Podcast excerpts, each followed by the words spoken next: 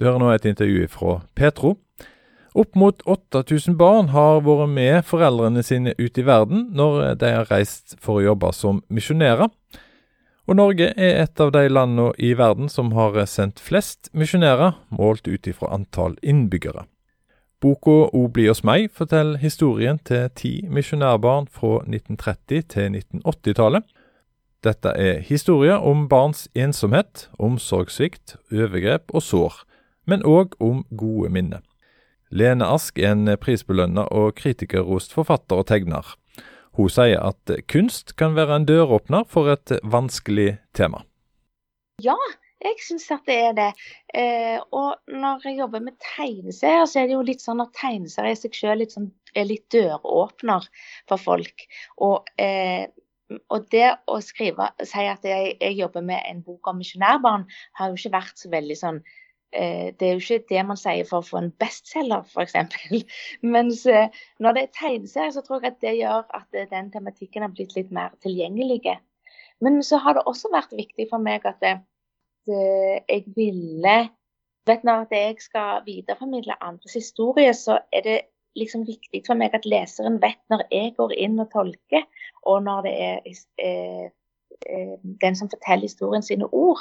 Så når det gjelder tegneserier, så syns jeg at det egner seg veldig godt. For det er den som jeg har intervjua sin, sine ord, og det er bare eh, som, som, ble, som, forteller historien. Og så er det mine bilder som på en måte tolker og kanskje inviterer leseren inn til å, å være med i historien. da. Er det lettere å forholde seg til historien når eh, det er tegninger? Ja, jeg tror kanskje det. Også det, tegninger gjør litt sånn at det åpner opp historien litt. og Jeg, jeg tror at det har vært en, en, god metode for å få leseren til å, å invitere leseren inn da, i historien. De som fortalte historien, disse ti personene som fortalte historien, hvordan opplever de å, å se og lese historien sin som tegneserie? Jeg tror at de har syntes at det har vært eh, spennende. Eh, for de har også fått vært med på hele prosessen. Fra intervjuet og til jeg har tatt med det som jeg hadde lyst til å ha med historien. Så får de være med og forme historien for at de skulle på en måte få lov til hele tida å holde historien fast. Skulle, jeg var opptatt av at det skulle være deres historie, og ikke min bearbeidelse. Og så når de har fått lov til å være med og, og sett på hva tekster jeg ville bruke, så begynte jeg å tegne, så fikk de lov til å være med og, og mene litt om tegningene, da. For dette tegningene kan, kan jo eh, eh, gjøre at, et, et, at, en setning blir veldig annerledes, tolkes veldig annerledes. Så det var viktig for meg at de fikk være med hele veien, da. Denne tegneserien O bli hos meg, den ga du ut i 2021. Eh, og i 2022 så fikk du prisen for årets tegneserie. Det er altså bransjen sin egen pris. Det å ha ei bok med et så alvorlig tema, og så får du en anerkjennelse ifra bransjen på det du har laga, hvordan eh, oppleves det? Det var en utrolig viktig og fin anerkjennelse å få. Um, og nettopp det at uh, jeg har, at jeg på en måte klarte å løfte noe som for mange virker veldig sånn sært. For, for mange så er jo misjon en, en, ting som ikke de bryr seg om eller har visst så mye om og, og ikke tenkt så mye over. Men at jeg, klart, at jeg, har klart å løfte det opp på en måte som gjør at folk engasjerer seg og sånn, det syns jeg var jeg, var jeg ble veldig stolt av den prisen. mm. I de bok så, så, møter vi ti unger som forteller om omsorgssvikt, mangel på voksenrelasjon. Det å møte foreldrene sjelden eh, gjorde at eh, de opplevde ikke å ha noe familie. Det å fortelle denne historien som du gjør nå i, i boka di, du forteller den med øye på utsida av misjonsorganisasjonene. Og det er kanskje en lite kjent historie likevel så har kanskje mange visst om dette her, men en har ikke snakket om det. Det å ha ei mm. bok sånn som du har fortalt nå, eh, kommet ut med, kan den gi oss eh, på en måte verktøy til å snakke i lag om dette? Ja, det er jo litt det jeg håper, da. Fordi at eh, selv, selv om man hadde en sånn eh, runde på, eh, på disse hvordan misjonærbarna hadde hatt det. Man har jo hatt flere runder der man har prøvd å ta det opp, og som jo også har gjort at man har avsluttet den internatpraksisen. Så opplever jeg at det fremdeles er et sånt tår, da. Eh, og at eh, det er ikke så mange som har snakket om det. Og jeg tror at mange av de eh, misjonærbarna som sitter med vonde erfaringer, har vel kanskje opplevd at ikke de har fått så mye tilhør fra organisasjonene selv. Eh, og så tror jeg nok også en del opplever at det har vært vanskelig å ta det opp med foreldre, fordi at jo foreldrene også har lidd i dette. Det har vært det mange traumer som også ligger hos eh, foreldrene, fordi at det, de har sett at barna har hatt det vanskelig og, eh, sånt. Så jeg håper at, eh, at den boka kan gjøre det lettere å, å ta det opp og snakke om det. og og også at misjonsorganisasjonene ser at dette, dette, er kanskje noe man må ta på alvor. Og ikke behandle det først og fremst for noe som ikke skal At man skal liksom skjule det og legge det under teppet for at det ikke skal skade misjonssaken. Jeg tror det er bra at vi får jobbe med denne problematikken ordentlig for å bli ferdig med den. Um, jeg tror at, eh, at et misjonærbarns traume blir fort eh, organisasjonens traume hvis ikke vi behandler det ordentlig. Eh, og det, jeg, det, er et ønske jeg har med den boka. Akkurat det som du sier der, at det er jo ikke bare misjons, altså ungene til misjonærer som har traume. Foreldrene, familien kanskje som var hjemme i Norge og så så dette her. Besteforeldre, onkler og tante. Men òg organisasjonene kan ha traume ut ifra det som har skjedd, hvis en ikke snakker om dette her. Hvordan kan en, når du har hørt historien til de ti som du har intervjua, hvordan kan en jobbe for å bearbeide dette her, og, og finne verktøy for å snakke i lag? Nei, jeg tror, det, jeg, jeg tror det, handler om at uh, misjonsorganisasjonene må må komme, komme, alle disse stemmene i møte og ta imot. Og ta det arbeidet det er og, bearbeide det. Og dette er noe som vi ikke helt kan bli ferdig med før, før vi har behandla det ordentlig. Jeg, jeg, vet ikke, jeg har ikke noe oppskrift på det, men eh, jeg opplever at mange organisasjoner har, har, er veldig godt i gang med den eh, med det arbeidet. Um, men jeg, jeg, tenker at um, jeg, tror, jeg, tror, det er veldig viktig å ikke være så redd for, um, uh, for de stemmene som ikke alltid uh, som, som, sier noe av det som kanskje man ikke alltid vil høre. Uh, jeg tror det må være plass. Jeg tror vi må lage en, en større plass i organisasjonene til, til flere stemmer, rett og slett. Lene Ask sa dette, hun er forfatter av tegneserieboka O bli hos meg. Når misjonærene eller misjonsorganisasjonene skulle fortelle om arbeidet sitt, var det historier som engasjerte til bønn og engasjement for å gi penger, som ofte ble fortalt. Foreldrene sitt kall til misjon var viktig. Mange barn av misjonærer opplevde derfor mye ensomhet når de ikke fikk vokse opp i lag med foreldrene. Var barna illojale mot foreldrene sitt kall som misjonærer om de heller ville være i lag som familie enn å reise til skoleinternatet? Ja, jeg tror du peker på et veldig stort problem. Eh, at eh, det å for, for mange, det, det, mange, av misjonærbarna har vært veldig ensomme i det at eh, de føler seg illojale i, i, i, sine følelser, i ensomheten sin. Fordi at eh, de, de, visste at mor og far hadde en ekstremt viktig jobb, og det var grunnen for at de var eh, på den skolen. Og Derfor så har, de, har det vært vanskelig for flere overfor seg sjøl å innrømme at dette, dette går ikke bra. Eh, fordi at de har følt seg illojale, som du sier, overfor foreldrene, organisasjonen og også overfor Gud. Og det har nok vært veldig eh, vanskelig. Hvem er denne boka som du har eh, skrevet for?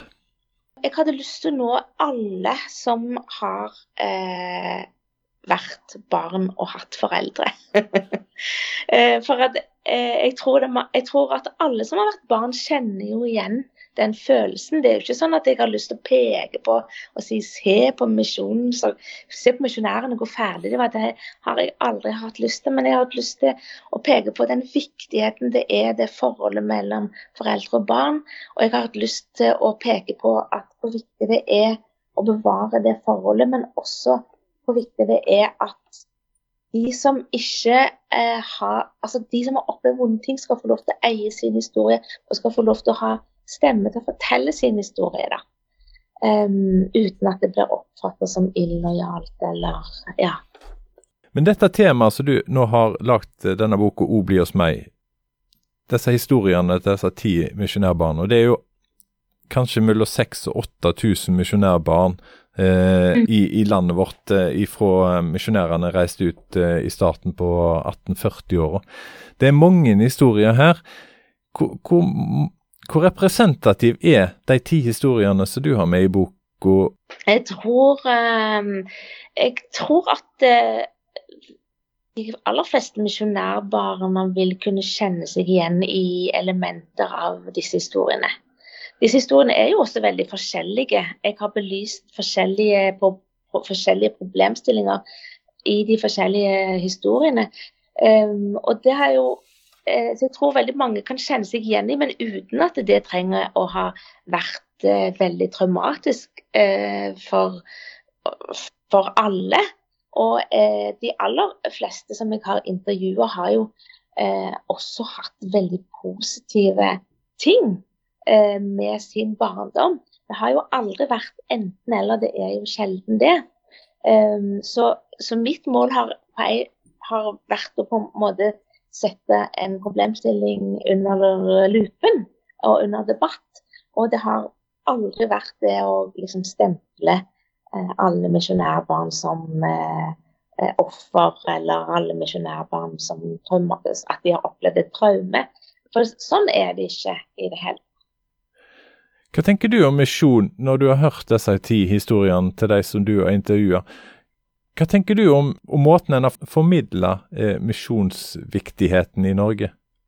Jeg syns det er veldig Jeg synes det er vanskelig å si noe kort om, om misjon. Eh, jeg har jo vokst opp selv i Misjonssambandet, og jeg har en enorm fascinasjon for misjonærer.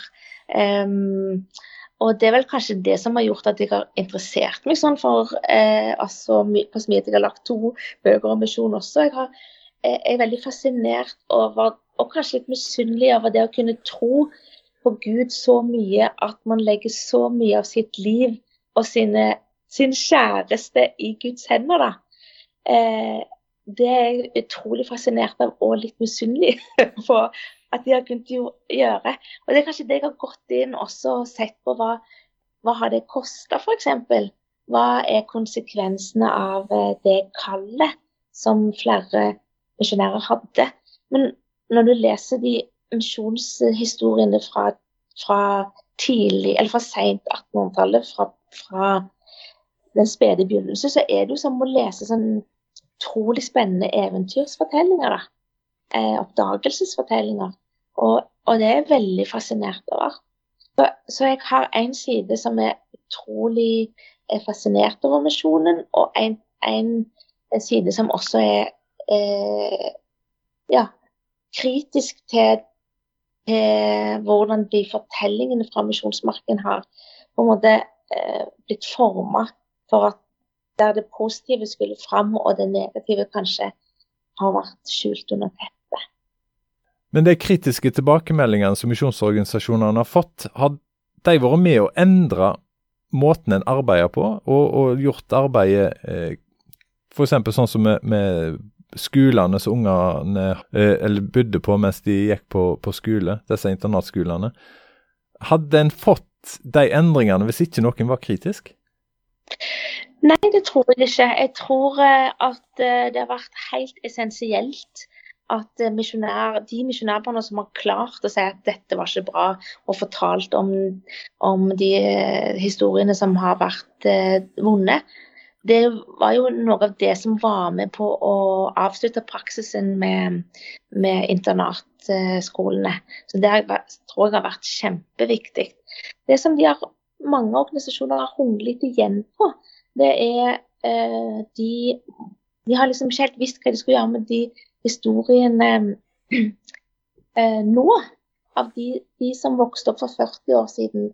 Og når de kommer nå, etter 40 år, eh, hva skal de gjøre med de? For dette nå er jo eh, eh internatpraksisen avslutta. Så hva trenger vi? Hva skal vi gjøre med de negative eh, fortellingene? Der har det vært uh, ulik praksis på, i, blant, i, blant, organisasjonene. Og jeg, min mening er at noen har vært litt for ivrige til å liksom feie det litt under teppet fordi de ikke ville skade saken. Lene Ask er en prisbelønna og kritikerrost forfatter og tegner av flere bøker for barn og ungdom. Boka 'O bli hos meg' kom ut i 2021. Den første boka om livet til et misjonærbarn ble utgitt i 2014. 'Kjære Rikard', som boka heter, handler om eh, seks år gamle Rikard eh, Jacobsen, som eh, på 1880-tallet bodde på barneheim i Stavanger, mens far og stemor var misjonærer på Madagaskar.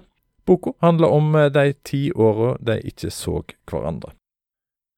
På slutten av 1980-tallet sto kunstner Kari Grasmo fram og fortalte om overgrep under oppveksten på Misjonssambandet sin internatskole i Japan på 1950- og 60-tallet. Hun var den første av flere misjonærbarn som fortalte om seksuelle overgrep på internatskoler til norske misjonsorganisasjoner.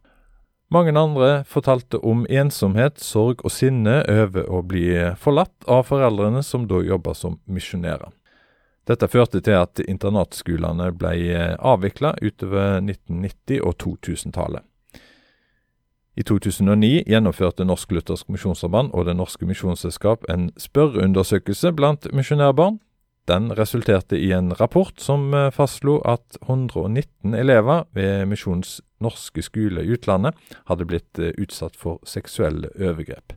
20 av overgrepene skal ha skjedd etter 1990. Rapporten konstaterer at svært få barn fikk hjelp i forbindelse med overgrepene. Rapporten resulterte i at eh, Norsk Luthersk Misjonssamband og Det Norske Misjonsselskap i 2009 beklaga og erkjente omsorgssvikt. Organisasjonene tilbød en sum på 25 000 kroner til misjonærbarn som kunne dokumentere behov for psykologbehandling. Både undersøkelsen, rapporten og erstatningssummen ble kritisert av misjonærbarn som mente det var for seint, for lite, og fanga ikke opp det fulle omfanget av problemene. Jeg heter Bjørnstein Haugland. Du har hørt et innslag laga av Petro. På petro.no, eller der du hører podkaster, kan du finne flere intervju laga av oss.